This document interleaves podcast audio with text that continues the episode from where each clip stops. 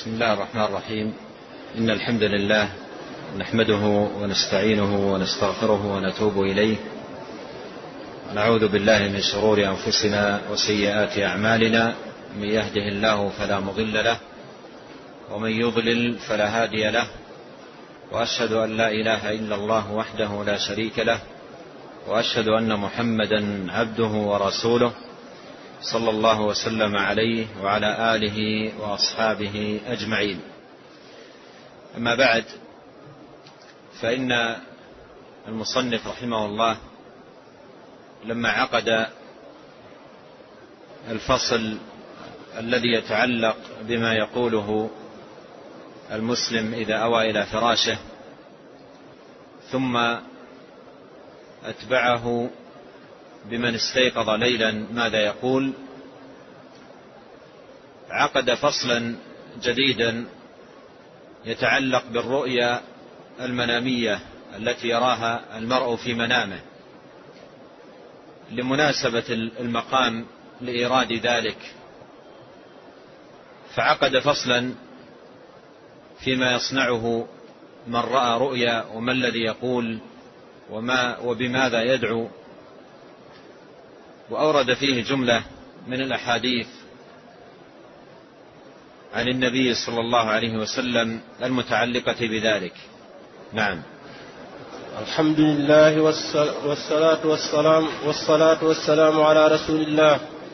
قال المؤلف رحمه الله فصل فيما يصنع فيما يصنع من رأى رؤيا. قال رحمه الله قال أبو سلمة بن عبد الرحمن سمعت أبا قتادة بن ربعي يقول سمعت رسول الله صلى الله عليه وسلم يقول الرؤيا من الله والحلم من الشيطان فإذا رأى أحدكم شيئا يكره فلينفس عن يسار عن يساره ثلاث مرات. فلينفس عن يساره ثلاث مرات إذا استيقظ وليتعوذ بالله من, من شرها فإنها لن تضره إن شاء الله. قال أبو سلمة إن كنت لأرى الرؤيا هي أثقل علي من الجبل فلما سمعت بهذا الحديث فما كنت أباليها. وفي رواية قال إن كنت أرى الرؤيا تهمني حتى سمعت أبا قتادة يقول وأنا كنت أرى الرؤيا فتمرضني حتى سمعت رسول الله صلى الله عليه وسلم يقول الرؤيا الصالحة من الله فإذا رأى أحدكم ما يحب فلا يحدث به إلا من يحب وإن رأى ما يكره فلا يحدث به وليدخل عن يساره ثلاثا وليتعوذ بالله من الشيطان الرجيم. وليتعوذ بالله من الشيطان الرجيم من شر من شر ما رأى فإنها لن تضره لن تضره. متفق عليه. قال المصنف رحمه الله فصل فيما يصنعه من رأى رؤيا. الرؤيا هو الأمر الذي يرى في المنام. الأمر الذي يراه المرء في منامه يسمى رؤيا ويفرق بينه وبين ما يراه بعينه في اليقظة لأن ما يراه في عينه في اليقظة يقال له رؤية مختوما بالتاء المربوطة. وما يراه في في منامه يقال له رؤيا مختوما بألف التأنيث. فالرؤية في اليقظة والرؤيا في المنام.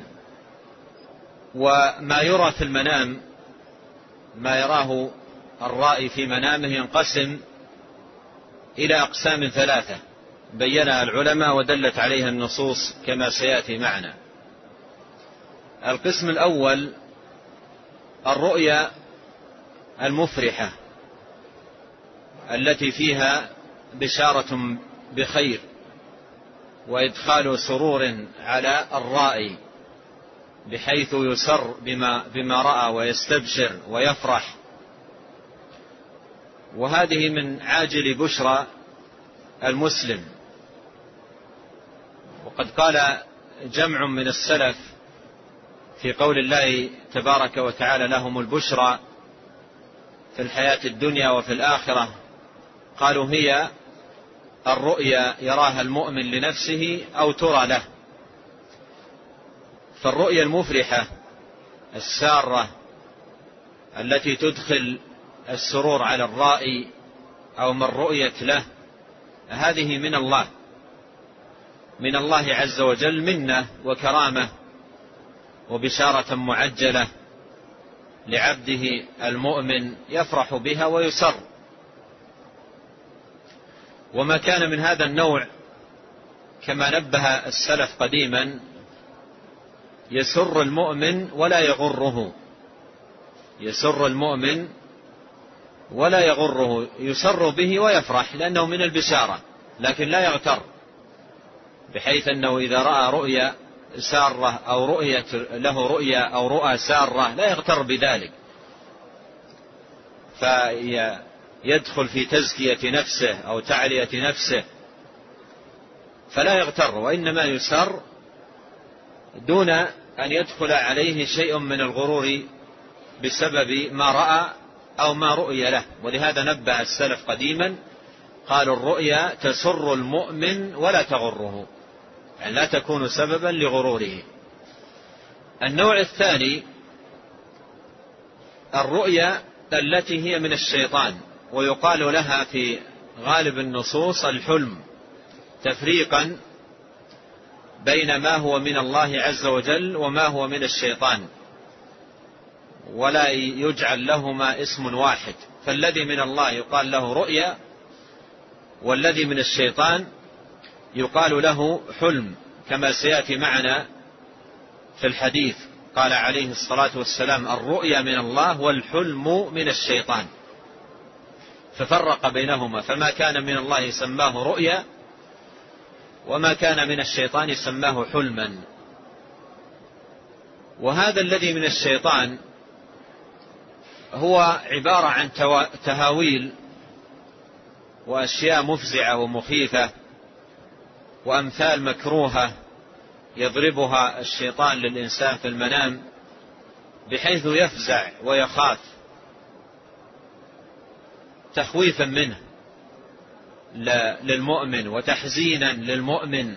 كما قال الله تبارك وتعالى إنما ذلكم الشيطان يخوف أولياءه فلا تخافوهم وخافوني إن كنتم مؤمنين. يخوف أولياءه أي يخوفكم بأوليائه. قال فلا تخافوهم. فالتي من الشيطان هي تهاويل وأشياء مخيفة يأتي بها للإنسان في منامه يهول عليه في منامه ويضرب له أمثالا في منامه. فمثلا يرى نفسه تارة في أرض مسبعة مليئة بالسباع والوحوش الضارية. ومرة يرى, يسقط يرى نفسه يسقط من مكان عالية ومرة يرى نفسه يلقى في, في نار محرقة ومرة يرى نفسه يطعن بحديدة أو بسكين أو نحو ذلك يفزعه ويخيفه في منامه أو غير ذلك من الأمور وهي من الشيطان. القسم الثالث أضغاث الأحلام. القسم الثالث إضغاث الأحلام. وهذه في الغالب ما يكون من الإنسان في يقظته وأحاديثه في يقظته يرد منها أشياء في المنام تكون من قبيل أضغاث الأحلام.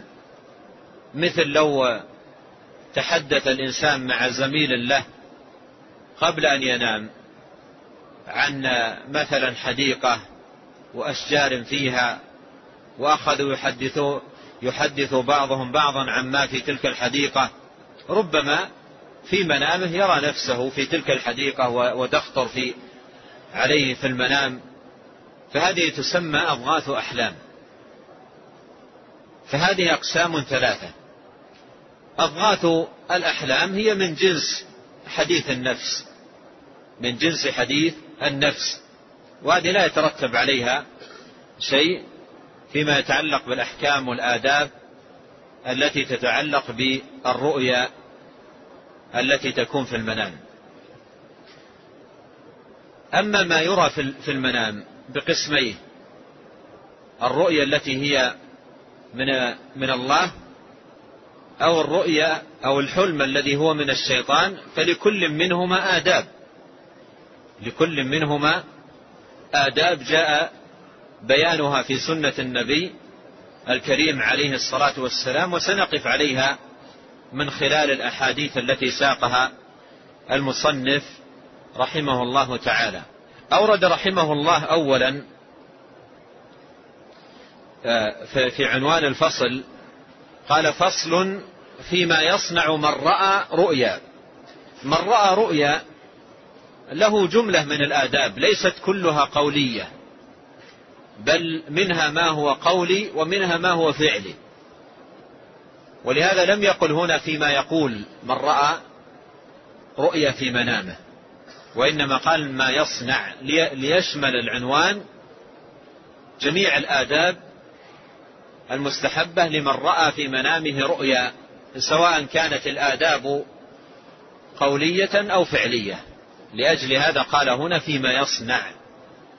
أورد عن أبي سلمة بن عبد الرحمن قال سمعت أبا قتادة بن ربعي رضي الله عنه يقول سمعت رسول الله صلى الله عليه وسلم يقول الرؤيا من الله والحلم من الشيطان.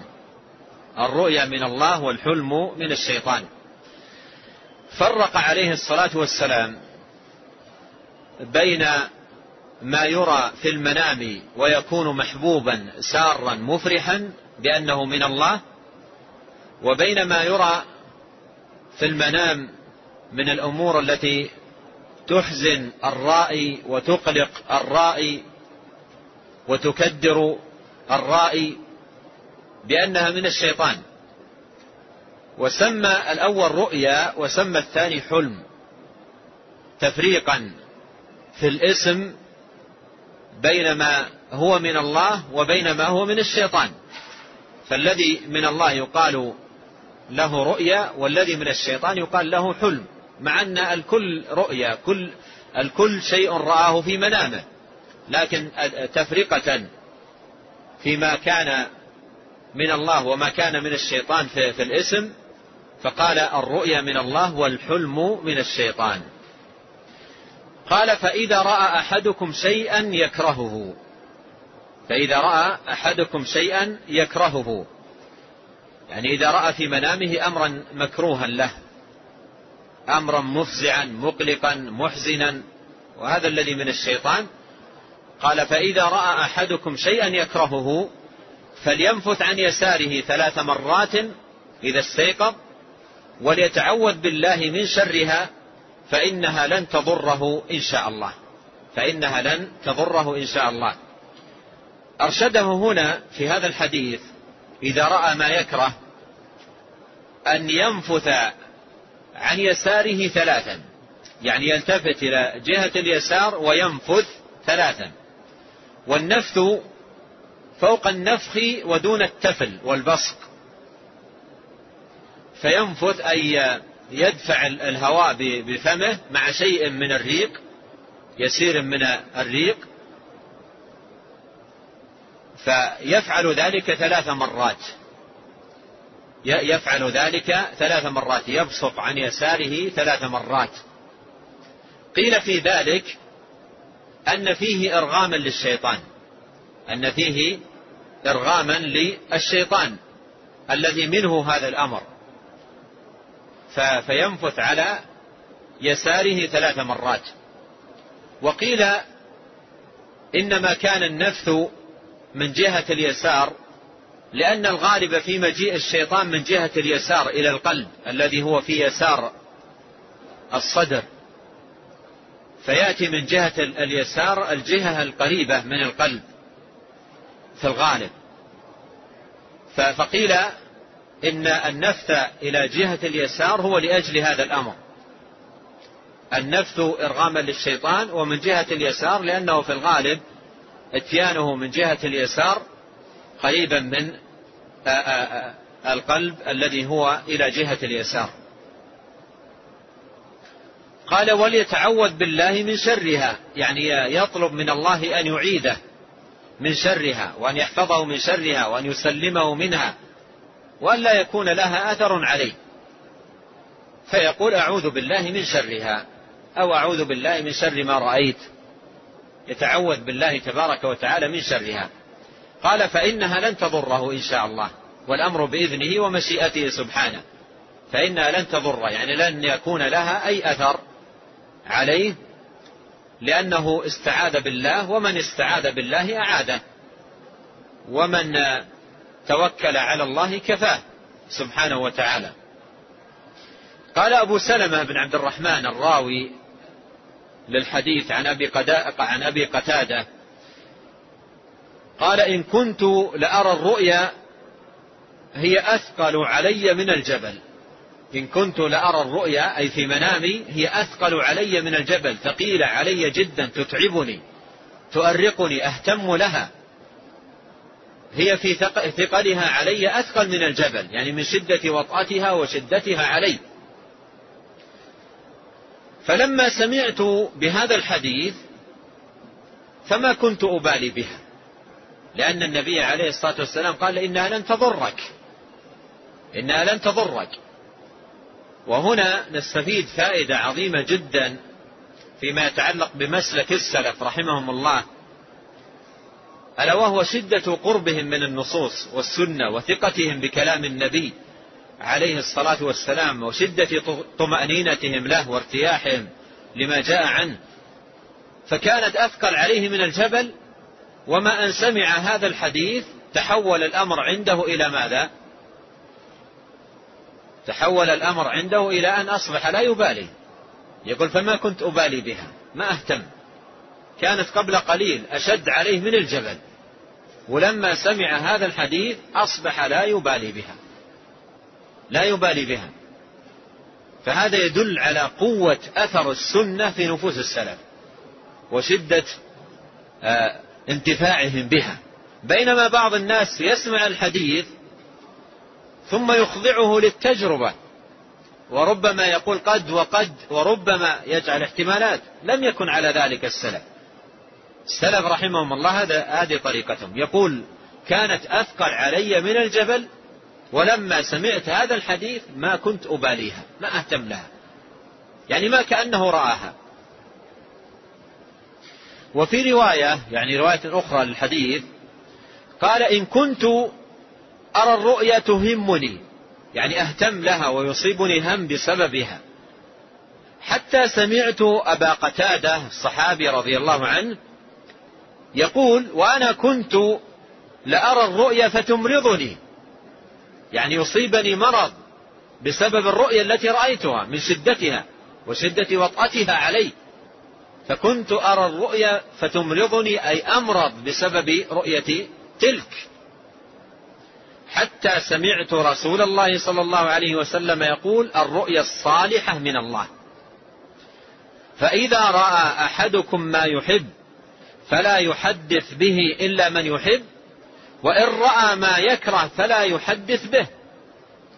وليتفل عن يساره ثلاثا وليتعوذ بالله من الشيطان الرجيم من شر ما رأى فإنها لن تضره.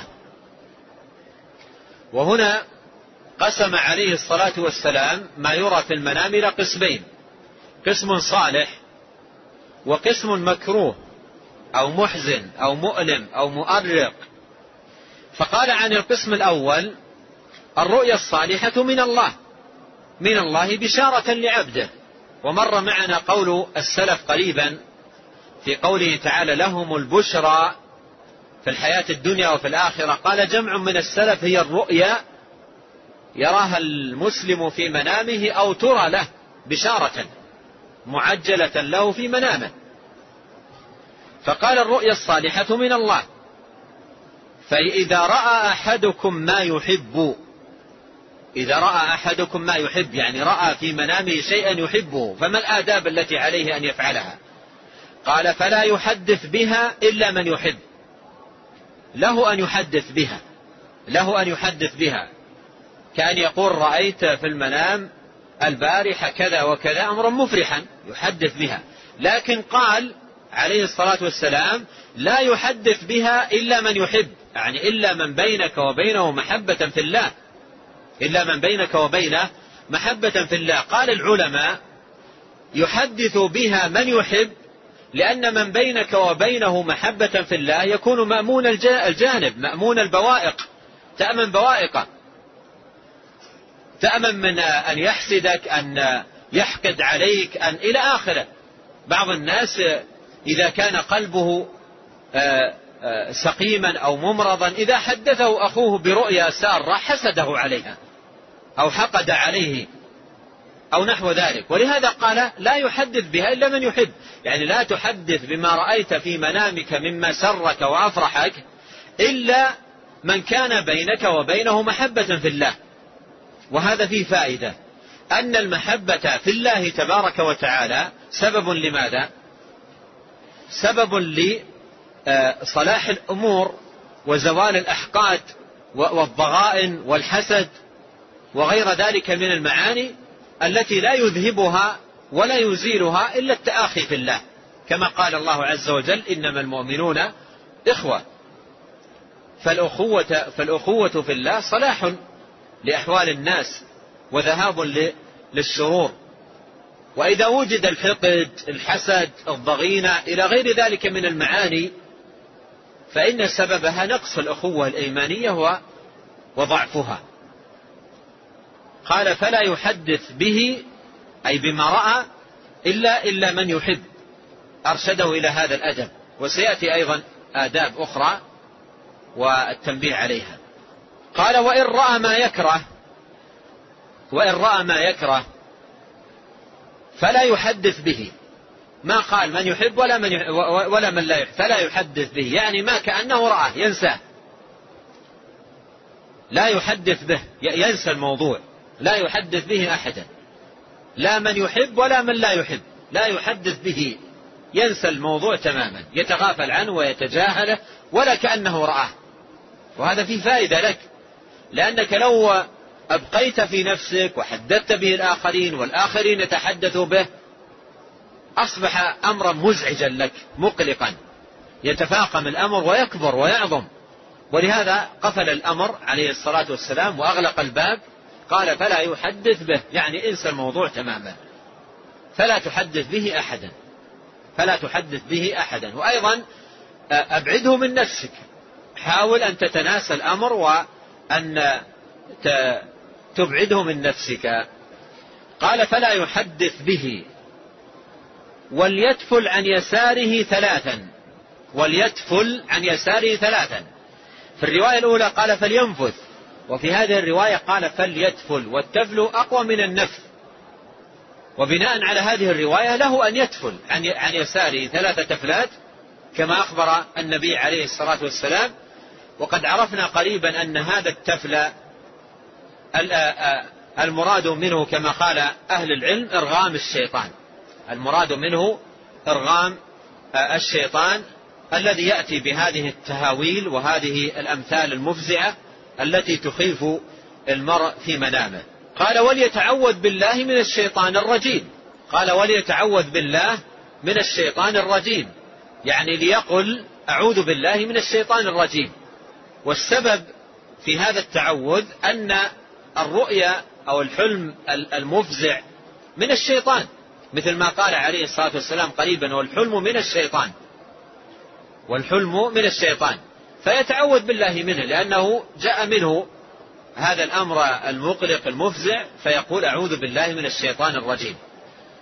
من شر ما رأى أي, أي, أي يتعوذ أيضا من شر ما رأى. يقول أعوذ بالله من شر ما رأيت.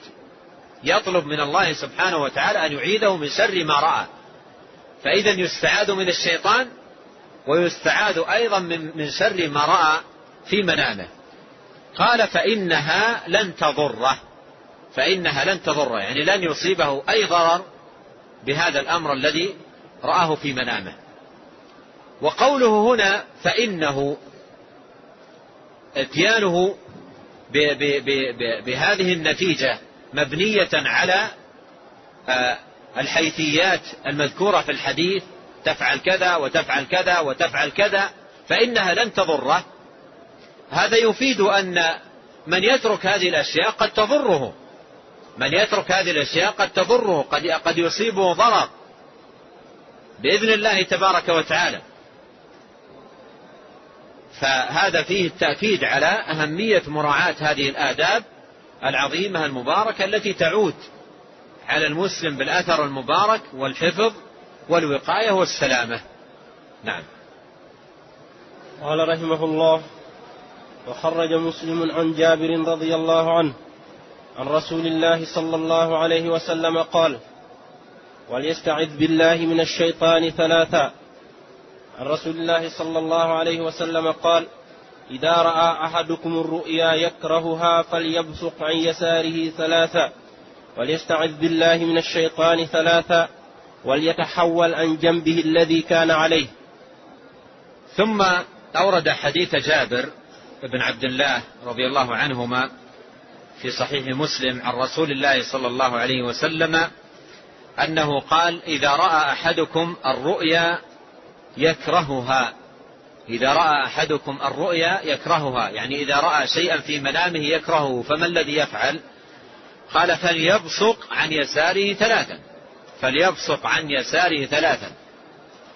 والبصق معروف يعني أن يدفن عن عن يساره ثلاثا. وعرفنا الحكمة في ذلك كما نبه العلماء رحمهم الله. قال فليبصق عن يساره ثلاثا أي ثلاث مرات. وليستعذ بالله من الشيطان ثلاثا. يعني ليقل ثلاث مرات أعوذ بالله من الشيطان الرجيم أعوذ بالله من الشيطان الرجيم أعوذ بالله من الشيطان الرجيم. وليتحول عن جنبه الذي كان عليه. وليتحول عن جنبه الذي كان عليه. إذا كان على جنبه الأيمن يتحول إلى الجنب الآخر ينقلب. ينقلب إلى الجنب الآخر. فبدل أن يكون نائما على جنبه الأيمن يصبح نائما على جنبه الأيسر. قال العلماء ولعل الحكمة في ذلك تفاؤلا في تغير الحال وزوال المفزع المخيف أن يتحول الأمر له في منامه. بدل أن يكون أمرا مخيفا يتحول إلى أمر مؤنس مفرح تفاؤلا. مثل ما قال العلماء في الحكمة من تحويل الرداء في الاستسقاء في صلاة الاستسقاء يحول رداء قالوا تفاؤلا بتغير الحال من الجدب إلى الغيث. فهنا يتحول قيل في التحول أن أن أن يكون ذلك على وجه التفاؤل بأن يتحول الأمر له في منامه بدلا من أمور مخيفة مفزعة إلى أمور مفرحة أمور مفرحة. وكذلك تغير هيئة النوم تغير الأمور التي كانت في النوم. تغير الأمور التي كانت في النوم. إذا غير الإنسان هيئته. فالشاهد أن هذه الأحاديث وكذلك أحاديث أخرى وردت عن النبي عليه الصلاة والسلام تبين ما الذي على المسلم أن يفعله إذا رأى ما يفرح في منامه وما الذي يفعل إذا رأى ما يحزن في منامه. والذي يتلخص من مجموع الأحاديث الآداب التي تتلخص من مجموع الأحاديث الواردة في الباب أولا فيما يتعلق بالأمر المفرح وهي الرؤيا الصالحة التي يراها المرء في منامه. ما الذي عليه أن يفعل؟ عدة أمور. وهذه الأمور متلخصة من مجموع الروايات الواردة في هذا الباب. الأمر الأول أن يفرح. أن يفرح بهذا الذي هو من الله الذي سره وأفرحه وأدخل عليه سرورا في في منامه. فالأمر الأول أن يفرح بذلك أن يفرح بذلك. ومر معنا قول السلف في قوله تعالى لهم البشرى في الحياة الدنيا قالوا هي الرؤيا الصالحة يراها المؤمن أو ترى له فيفرح بهذا الذي من الله عليه وأكرمه به فأدخل عليه سرورا وفرحا. الأمر الثاني أن يحمد الله على هذه النعمة التي حدثت له وأكرمه تبارك وتعالى بها يحمد الله عز وجل والله عز وجل يحمد على كل نعمة يحمد على كل نعمة سبحانه وتعالى. الأمر الثالث أن يحدث بها من يحب.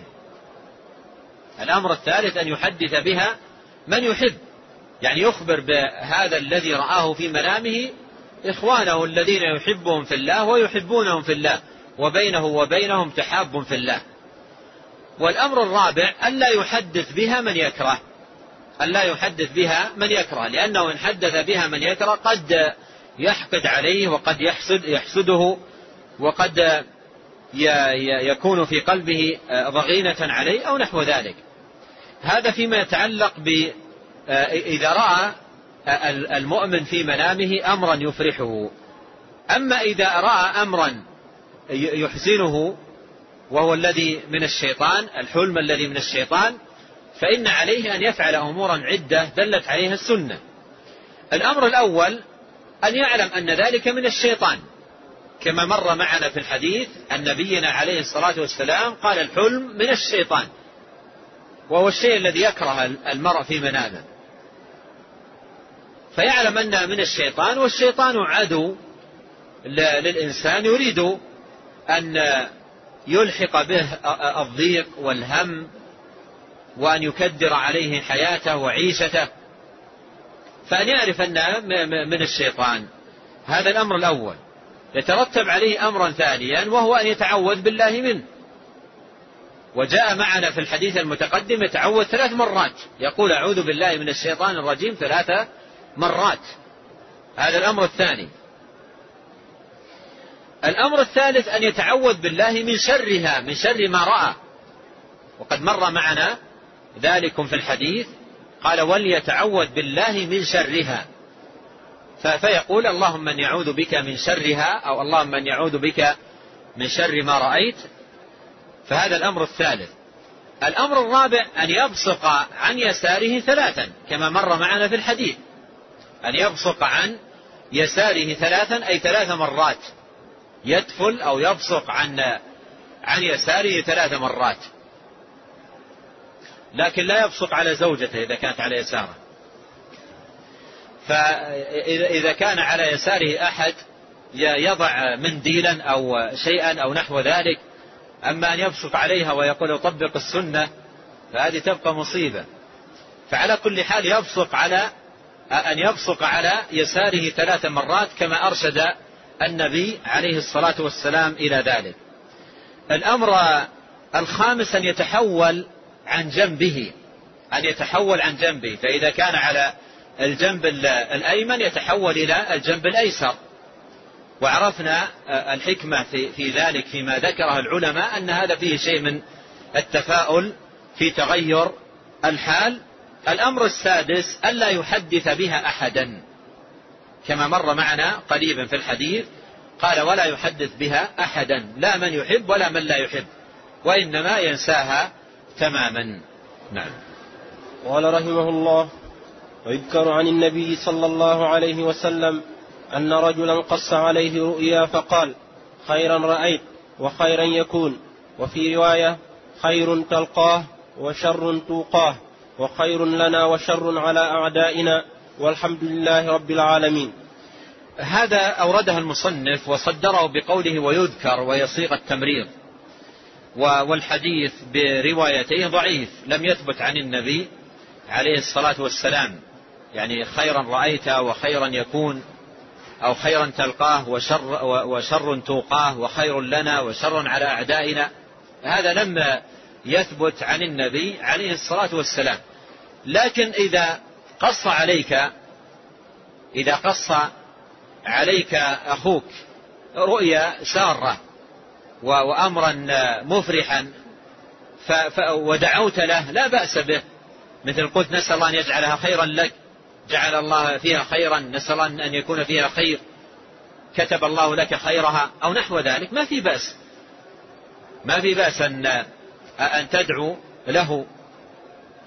وحتى لو قلت مثلا خيرا رأيت أو نسأل الله أن يكون ما رأيت خيرا لا بأس بذلك لأن هذه أدعية عامة. أدعية عامة يدعى بها يدعو بها المسلم لأخيه. فلا بأس أن يقول لأخيه نسأل الله أن يجعل لك خيرا في هذا الأمر أو أن يجعل لك فيه عاقبة طيبة أو عاقبة حميدة أو أن يحمدك عاقبة ما رأيت أو أي دعوة تناسب الأمر من الدعوات العامة. هذا لا بأس لا لا بأس به لا بأس به. وفيما يتعلق هذا فيما يتعلق بالرؤية السارة المفرحة إذا حدث بها. أما الرؤية غير المفرحة الرؤية المحزنة هذه يسكت عنها. ولا يحدث بها أحدا مطلقا. لا يحدث بها أحدا وإنما يسكت عنها. قد جاء في صحيح مسلم أن رجلا أتى إلى النبي عليه الصلاة والسلام وقال إني رأيت في المنام أن رأسي قطع وأنه يتدحرج أمامي وأني ألحقه أريد أن أمسكه. فقال له النبي عليه الصلاة والسلام إذا تلاعب الشيطان بأحدكم في منامه فلا يحدث بذلك أحدا. إذا تلاعب الشيطان بأحدكم في منامه فلا يحدث بذلك أحدا. فمثل هذه الأشياء التي تحصل للإنسان في في منامه من تلاعب الشيطان أو تحزين الشيطان فلا يصلح أن يحدث بها أحدا مطلقا لا من يحب ولا من, من لا يحب. وإنما يفعل الآداب التي أشرت إليها وهي يدل عليها مجموع الروايات الواردة عن النبي عليه الصلاة والسلام. وأريد أن أنتهز فرصة الحديث عن موضوع الرؤيا والرؤى وأيضا ما يتعلق بتعبير الرؤى. لأنقل لكم أمرا عني أنني لا معرفة لي البتة في تعبير الرؤى. ليس لي معرفة البتة في تعبير الرؤى فهذا علم لا أعرف فيه شيئا. نعم. قال رحمه الله فصل في فضل عبادة أنا أقول, أقول ذلك بالمناسبة. قد يرى مثلا أحد أن علقت بعض التعليقات فيقول هذا عنده معرفة بالرؤى. لا معرفة لي البتة في تعبير الرؤى. نعم. قال رحمه الله تعالى فصل في فضل العبادة بالليل. قال رحمه الله فصل في فضل العبادة بالليل. فصل في فصل في فضل العبادة بالليل يعني عبادة الله عز وجل بالليل. والمصنف عقد هذا الفصل في هذا الموضع لأن الاتيان به في هذا الموضع مناسب غاية المناسبة لأن الفصول عن المنام وعن ما يقول في المنام وما يقول إذا استيقظ. فالأمر ليس في الليل كله نوم واستيقاظ بل في أثناء ذلك عبادة. لأن إذا قرأ القارئ لاحظ اللطيفة في عقد هذا الفصل. اللطيفة في عقد هذا الفصل. إذا قرأ القارئ فصل ما يقوله عندما يأوي إلى فراشه ثم فصل ما يقوله إذا استيقظ. ربما يظن أن المسألة نوم واستيقاظ في الليل. بينما بين نومه ويقظته فترة عبادة في أثناء الليل.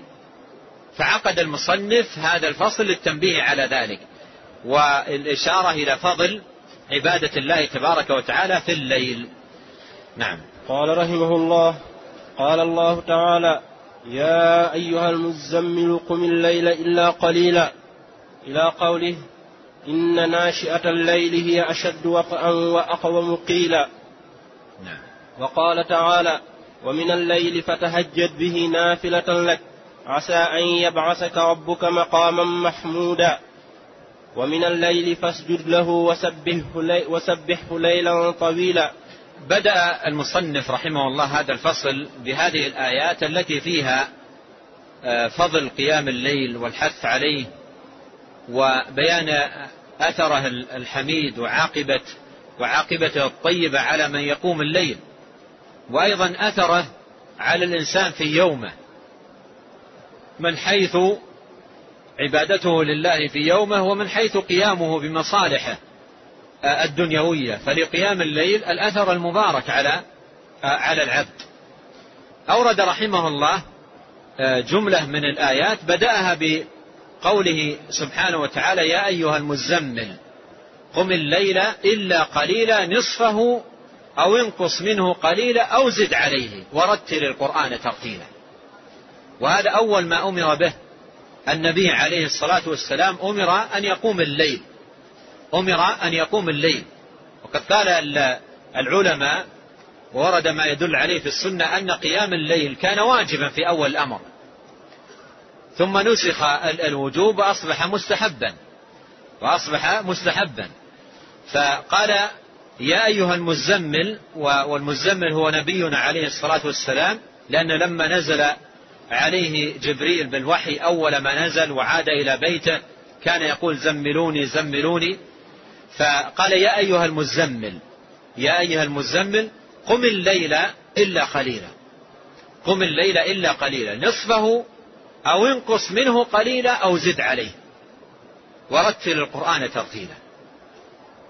أي أنه أمر بالقيام قيام الليل نصف الليل أن يقوم نصف الليل أو أن يقوم أقل من نصف الليل بقليل كأن يقوم ثلث الليل أو أن يزيد على نصف الليل بأن يقوم ثلث الليل. قم الليل إلا قليلا نصفه أو انقص منه قليلا بأن تصلي مثلا ثلث الليل أو زد عليه بأن تصلي ثلث الليل ثلثي الليل. ورتل القرآن ترتيلا ولتكن قراءتك في قيامك لليل ترتيلا. بتمهل وتفكر وتدبر لكلام الله تبارك وتعالى. ورتل القرآن ترتيلا. إنا سنلقي عليك قولا ثقيلا. وهذا فيه أثر قيام الليل في في تلقي الوحي والقيام بمهام أعمال الرسالة. والقيام بمهام بمهام أعمال الرسالة. إنا سنلقي عليك قولا ثقيلا أي عظيما له عظمته. فقيام الليل يساعد الإنسان على القيام بأعمال الرسالة وأيضا يساعد المسلم والداعي إلى الله على القيام بأعمال الدعوة الدعوة إلى الله والقيام بواجباته الدينية وأوامر الله تبارك وتعالى له فقيام الليل فيه عون للإنسان. ولهذا رتب على ذلك قوله إنا سنلقي عليك قولا ثقيلا إن ناشئة الليل يعني الساعات التي يقومها المرء من ليله أشد وطئا وأقوى مقيلا أشد وطئا يعني أشد مواطأة للسان والقلب. يعني يتواطأ فيها اللسان والقلب. يعني لا يسرح الإنسان. بينما في النهار حال انشغاله بمصالحه وأموره قد يشرد الذهن وقد لا تستجمع آه، الفكرة وقد لا يتحقق كمال التدبر فيما يكون في الليل. ولهذا قال إن ناشئة, آه، إن ناشئة الليل أشد وطئا. معنى أشد وطئا يعني أقرب ما يكون وأكمل ما يكون للتواطؤ بين القلب واللسان لأن السكون وطمأنينة وهدوء و و و وليس هناك شواغل. ولهذا بعده قال إن لك في النهار سبحا طويلا. لكن في الليل السكون والطمأنينة والهدوء الذي يكون في الليل أشد وطئا. أشد وطئا من الأمر في النهار. فهذا يبين مكانة قيام الليل وأثره. مكانة قيام الليل وأثره في أعمال الإنسان وقيامه بمهامه وواجباته الدينية. كذلك قول الله عز وجل ومن الليل فتهجد به نافلة لك عسى أن يبعثك ربك مقاما محمودا وقوله ومن الليل فاسجد له وسبحه ليلا طويلا كل ذلك فيه الترغيب والحث على قيام الليل وبيان العوائد الحميدة والآثار المباركة لمن تهيأ وتيسر له ذلك. نعم. قال رحمه الله تعالى وفي الصحيحين عن أبي هريرة رضي الله عنه عن النبي صلى الله عليه وسلم قال ينزل ربنا كل ليلة إلى السماء الدنيا حين يبقى ثلث الليل الآخر فيقول من يدعوني فأستجيب له ومن يسألني فأعطيه ومن يستغفرني فأغفر له. ثم أورد حديث أبي هريرة في الصحيحين عن النبي عليه الصلاة والسلام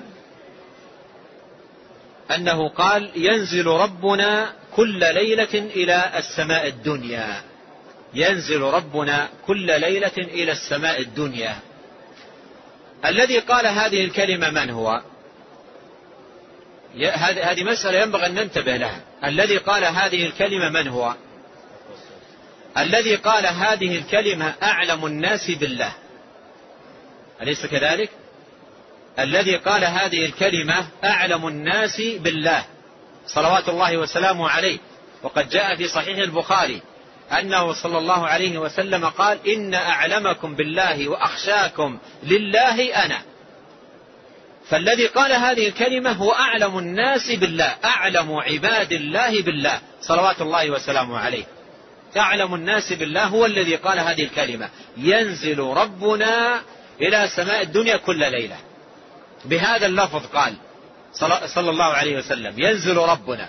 وهذا الحديث بهذا اللفظ حديث متواتر عن النبي عليه الصلاة والسلام سمعه منه قرابة ثمانية وعشرين صحابيا. سمعه منه قرابة ثمانية وعشرين صحابيا كلهم سمعوه منه يقول هكذا ينزل ربنا كل ليلة إلى سماء الدنيا. إذا كان النبي عليه الصلاة والسلام قال هذا بهذا بهذه الحروف وبهذه الألفاظ الواضحات أيليق بمسلم يعظم النبي عليه الصلاة والسلام ويعظم قوله ويعظم ما جاء به أن يحرف هذا الكلام بأن يقول على سبيل المثال المراد ينزل ملك ربنا. أو ينزل أمر ربنا. أو نحو ذلك من التأويلات الباطلة التي يقولها أهل الأهواء وأهل عدم البصيرة بما جاء عن رسول الله صلى الله عليه وسلم. الواجب على المسلم هنا أن يتقي الله في كلام رسول الله عليه الصلاة والسلام. ولتقل بكل طمأنينة إن نبي الله صلى الله عليه وسلم أعلم بالله منا. فإذا قال نبي الله ينزل ربنا إلى سماء الدنيا فنحن ماذا؟ نحن مثله. نقول كما قال. فقل, فقل كما قال عليه الصلاة والسلام. فنقول كما قال ينزل ربنا إلى سماء الدنيا. أرأيتم الصحابة لما سمعوا من النبي عليه الصلاة والسلام هذا الأمر ينزل ربنا إلى سماء الدنيا. أي شيء قالوا؟ نقلوه كما جاء وأمروه كما ورد وآمنوا به كما, كما أتى عن النبي صلوات الله وسلامه عليه.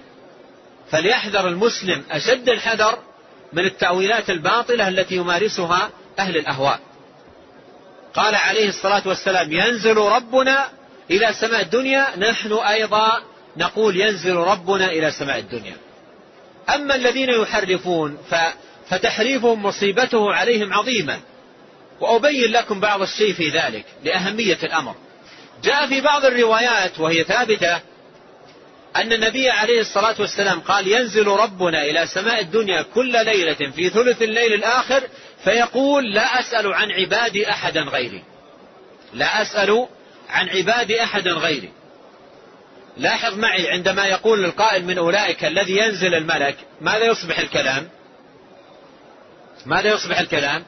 ينزل ملك ربنا كل ليلة إلى سماء الدنيا في في ثلث الليل الآخر فيقول لا أسأل عن عن عبادي أحدا غيري. هل الملك يقول مثل هذا الكلام؟ ثم أيضا انظر في الحديث الذي بين يديك. هل الملك ينزل إلى سماء الدنيا ويقول من يسألني؟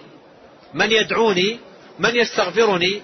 لو كان الملك قال ذلك لكان قد جعل نفسه ندا لله وإلها مع الله. ينادي الناس أن يدعوه وأن يستغفروه وأن يسألوه. فانظر الأخطار التي تترتب على ذاك التأويل. فالواجب على المسلم في هذا الحديث وهو من أحاديث الصفات وفي كل أحاديث الصفات أن يمرها كما جاءت وأن يؤمن بها كما وردت. قال نبينا عليه الصلاة والسلام ينزل ربنا إلى سماء الدنيا كل ليلة. نحن أيضا نقول ينزل ربنا إلى سماء الدنيا كل ليلة. ولو جاءنا رجل وقال لنا كيف ينزل؟ لو جاءنا رجل وقال كيف ينزل إلى سماء الدنيا؟ ماذا نقول له؟ لو أتانا رجل وقال ينزل ربنا إلى سماء الدنيا كل ليلة كيف ينزل؟ ماذا نقول له؟ نقول له إن نبينا عليه الصلاة والسلام أخبرنا أنه ينزل ولم يخبرنا كيف ينزل وهذا الباب لا نتجاوز فيه النصوص. لا نتجاوز فيه النصوص. ولهذا قال الإمام مالك رحمه الله في الاستواء قال الاستواء معلوم والكيف مجهول. وقال الإمام الترمذي رحمه الله في, في, في النزول لما سأله رجل كيف ينزل قال النزول معلوم والكيف مجهول. النزول معلوم يعني معلوم معناه و ومجهول كيفيته. الكيفية الله أعلم بها. فنبينا عليه الصلاة والسلام أخبرنا بالنزول فنثبته ونؤمن به ولم يخبرنا بالكيفية فنسكت. ليس لنا أن نتكلم في شيء لا دليل عليه. ولا مستند له. والله تعالى يقول ولا تقف ما ليس لك به علم. إن السمع والبصر والفؤاد كل أولئك كان عنه مسؤولا. قال ينزل ربنا كل ليلة إلى سماء الدنيا حين يبقى ثلث الليل الآخر. أي أن هذا النزول يكون في الثلث الأخير من الليل. في الثلث الأخير من الليل. يكون في الثلث الأخير من الليل. والله سبحانه وتعالى على كل شيء قدير. والله أعلم بكيفية هذا النزول لكنه ينزل تبارك وتعالى كما أخبر نبينا صلوات الله وسلامه عليه. هذا الحديث يدل على فضيلة الثلث الأخير من الليل وأنه أفضل أوقات القيام والإستغفار والدعاء. ولهذا جاء في الحديث فيقول من يدعوني فأستجيب له من يسألني فأعطيه من يستغفرني فأغفر له. فهذا يدل على أن الدعاء مستجاب.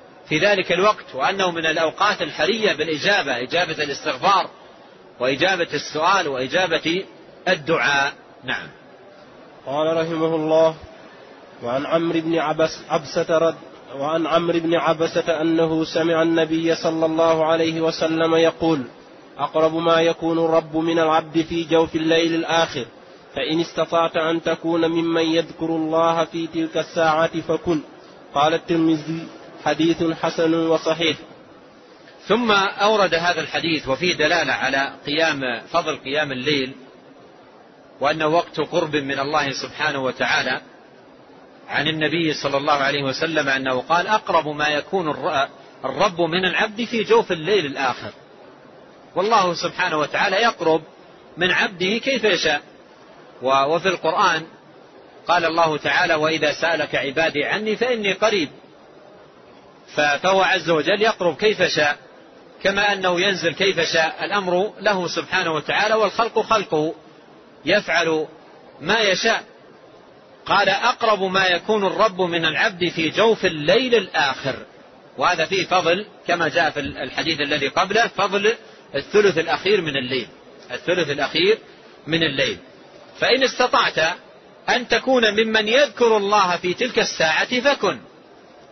وقوله يذكر الله يشمل قراءة القرآن يشمل الصلاة يشمل الدعاء يشمل التسبيح والاستغفار كل ذلك ذكر لله تبارك وتعالى. فإن استطعت أن تكون ممن يذكر الله في تلك الساعة فكن. نعم. قال رحمه الله تعالى وقال جابر سمعت النبي صلى الله عليه وسلم يقول إن في الليل لساعة لا يوافقها رجل مسلم يسأل الله عز وجل خيرا من أمر الدنيا والآخرة إلا أعطاه إياه وذلك كل ليلة. خرجه مسلم. ثم أورد رحمه الله هذا الحديث حديث جابر وفي صحيح مسلم عن نبينا صلوات الله وسلامه عليه أنه قال إن في الليل لساعة. أبهم هنا وقتها. يعني هل هي في أول الليل أو في وسط الليل أو في آخر الليل؟ أبهم وقتها ولم يعينه. قال إن في الليل لساعة لا يوافقها رجل مسلم يسأل الله عز وجل خيرا من أمر الدنيا والآخرة إلا أعطاه إياه. وهذا فيه أن المسلم كل ما تهيأ له أن يدعو الله في أي ساعة من ساعات الليل يدعو الله لعله يوافق ساعة الإجابة. فقد تكون هذه الساعة في آخر الليل وهو أحرى أوقات الإجابة وقد تكون في أوله وقد تكون في وسطه. فأي, فأي وقت يتهيأ لك من الليل أن تدعو الله عز وجل؟ فادعو الله فإنه كما قال عليه الصلاة والسلام لا يوافقها رجل مسلم يسأل الله عز وجل خيرا من أمر الدين والدنيا من أمر الدنيا والآخرة إلا أعطاه إياه. وذلك كل ليلة يعني في كل الليالي. ليس في ليلة دون أخرى بل هو في كل الليالي. نعم. قال رحمه الله وقال تعالى والمستغفرين بالأسحار. ويذكر عن أنس بن مالك رضي الله عنه قال أمرنا أن نستغفر بالليل سبعين استغفارا. ثم آه، أورد هنا آه، ختم بهذا الحديث وقد عرفنا سبقا مر معنا وعرفنا أنه ضعيف لم يثبت. عن النبي عليه الصلاة والسلام ولهذا صدر المصنف بقوله ويذكر ويذكر. و آه، لكن الاستغفار في هذا الوقت مشروع. دل عليه القرآن كما ذكر المصنف قول الله تعالى والمستغفرين بالأسحار وكذلك قوله تعالى في الآية الأخرى وبالأسحار هم يستغفرون لكن آه، تعيين سبعين استغفارة في, في, في, في الأسحار هذا آه، لم يثبت به سنة عن النبي عليه الصلاة والسلام. لكن ثبت عنه في حديث آخر أنه قال إني لا أستغفر الله في المجلس الواحد أكثر من سبعين مرة. ولهذا قد يكون المراد بالسبعين هنا التكثير والعرب تستخدم هذا الرقم للكثرة. فيكون المراد الإكثار من الاستغفار. الإكثار من الاستغفار في في وقت الأسحار. فهذا لا شك أنه مطلوب. مطلوب من المسلم أن يكثر من, من, من الاستغفار في هذا الوقت الفاضل. فيستغفر سبعين و ويزيد على ذلك. فهذا وقت استغفار. وقد قال عليه الصلاة والسلام إني لا أستغفر الله في, في المجلس الواحد أكثر من سبعين مرة. فيكثر من الاستغفار في هذا الوقت الفاضل. لا يستغفر ثلاثة أو أربعة أو عشر وإنما يكثر من الاستغفار في هذا الوقت الفاضل المبارك. نعم. قال رحمه الله فصل في تتمة ما يقول ما يقول إذا استيقظ. قال عن أبي هريرة رضي الله عنه عن النبي صلى الله عليه وسلم قال إذا استيقظ أحدكم فليقل الحمد لله الذي رد علي روحي وعافاني في جسدي وأذن لي بذكره. حديث صحيح. ثم عقد رحمه الله هذه هذا الفصل في تتمة ما يقول إذا استيقظ. في تتمة يعني في أحاديث تتمم ما, ما سبق. وقد عقد فيما سبق فصلا فيما يقوله من استيقظ من نومه. فأورد أولا حديث أبي هريرة عن النبي عليه الصلاة والسلام إذا استيقظ أحدكم فليقل الحمد لله الذي رد علي روحي وعافاني في جسدي وأذن لي بذكره. وهذا الحديث سبقا أورد المصنف في, في ذاك الفصل وأيضا أورده المصنف في أوائل الأذكار المتعلقة بالنوم. فهذه المرة الثالثة التي يورد المصنف فيها هذا الحديث وسبق آه، أن ذكرت شيئا عن معناه.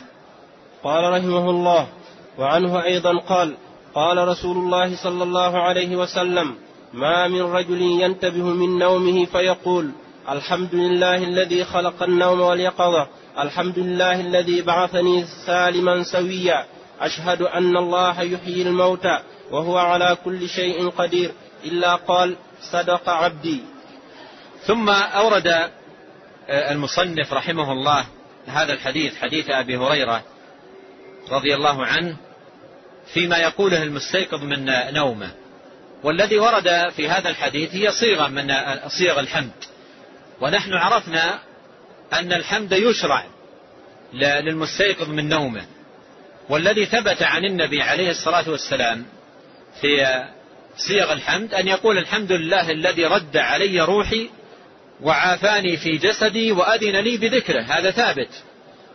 وأيضا ثبت كما أن مر معنا أن يقول مستيقظ من نومه الحمد لله الذي أحياني بعدما أماتني وإليه النشور. هذا ثابت. أما هذه الصيغة من الحمد فإنها لم تثبت لأن الحديث الذي ساقه المصنف رحمه الله فيه محمد بن عبيد الله العزرمي وهو متروك فالحديث ضعيف. إذا هذه الصيغة من صيغ الحمد التي جاءت هنا الحمد لله الذي خلق النوم واليقظة الحمد لله الذي بعثني سالما سويا. أشهد أن الله يحيي الموتى وهو على كل شيء قدير إلا قال صدق عبدي هذه لم تثبت. لكن آه، المعنى المعنى الذي ورد فيه يغني عنه الأحاديث الثابتة. فمثلا قوله الحمد لله الذي بعثني سالما سويا في الحديث الثابت الذي قبله قال الحمد لله الذي عافاني في في جسدي. فهذا يغني عنه. والحمد لله الذي خلق النوم واليقظة. هناك قال الحمد لله الذي أحياني بعد ما أماتني يعني اليقظة والموت هذه كلها لله تبارك وتعالى. إذا الأحاديث الثابتة في الباب فيها الكفاية وفيها الغنية وهذا لم لم يثبت عن نبينا الكريم صلوات الله وسلامه عليه. وإلى هنا نقف.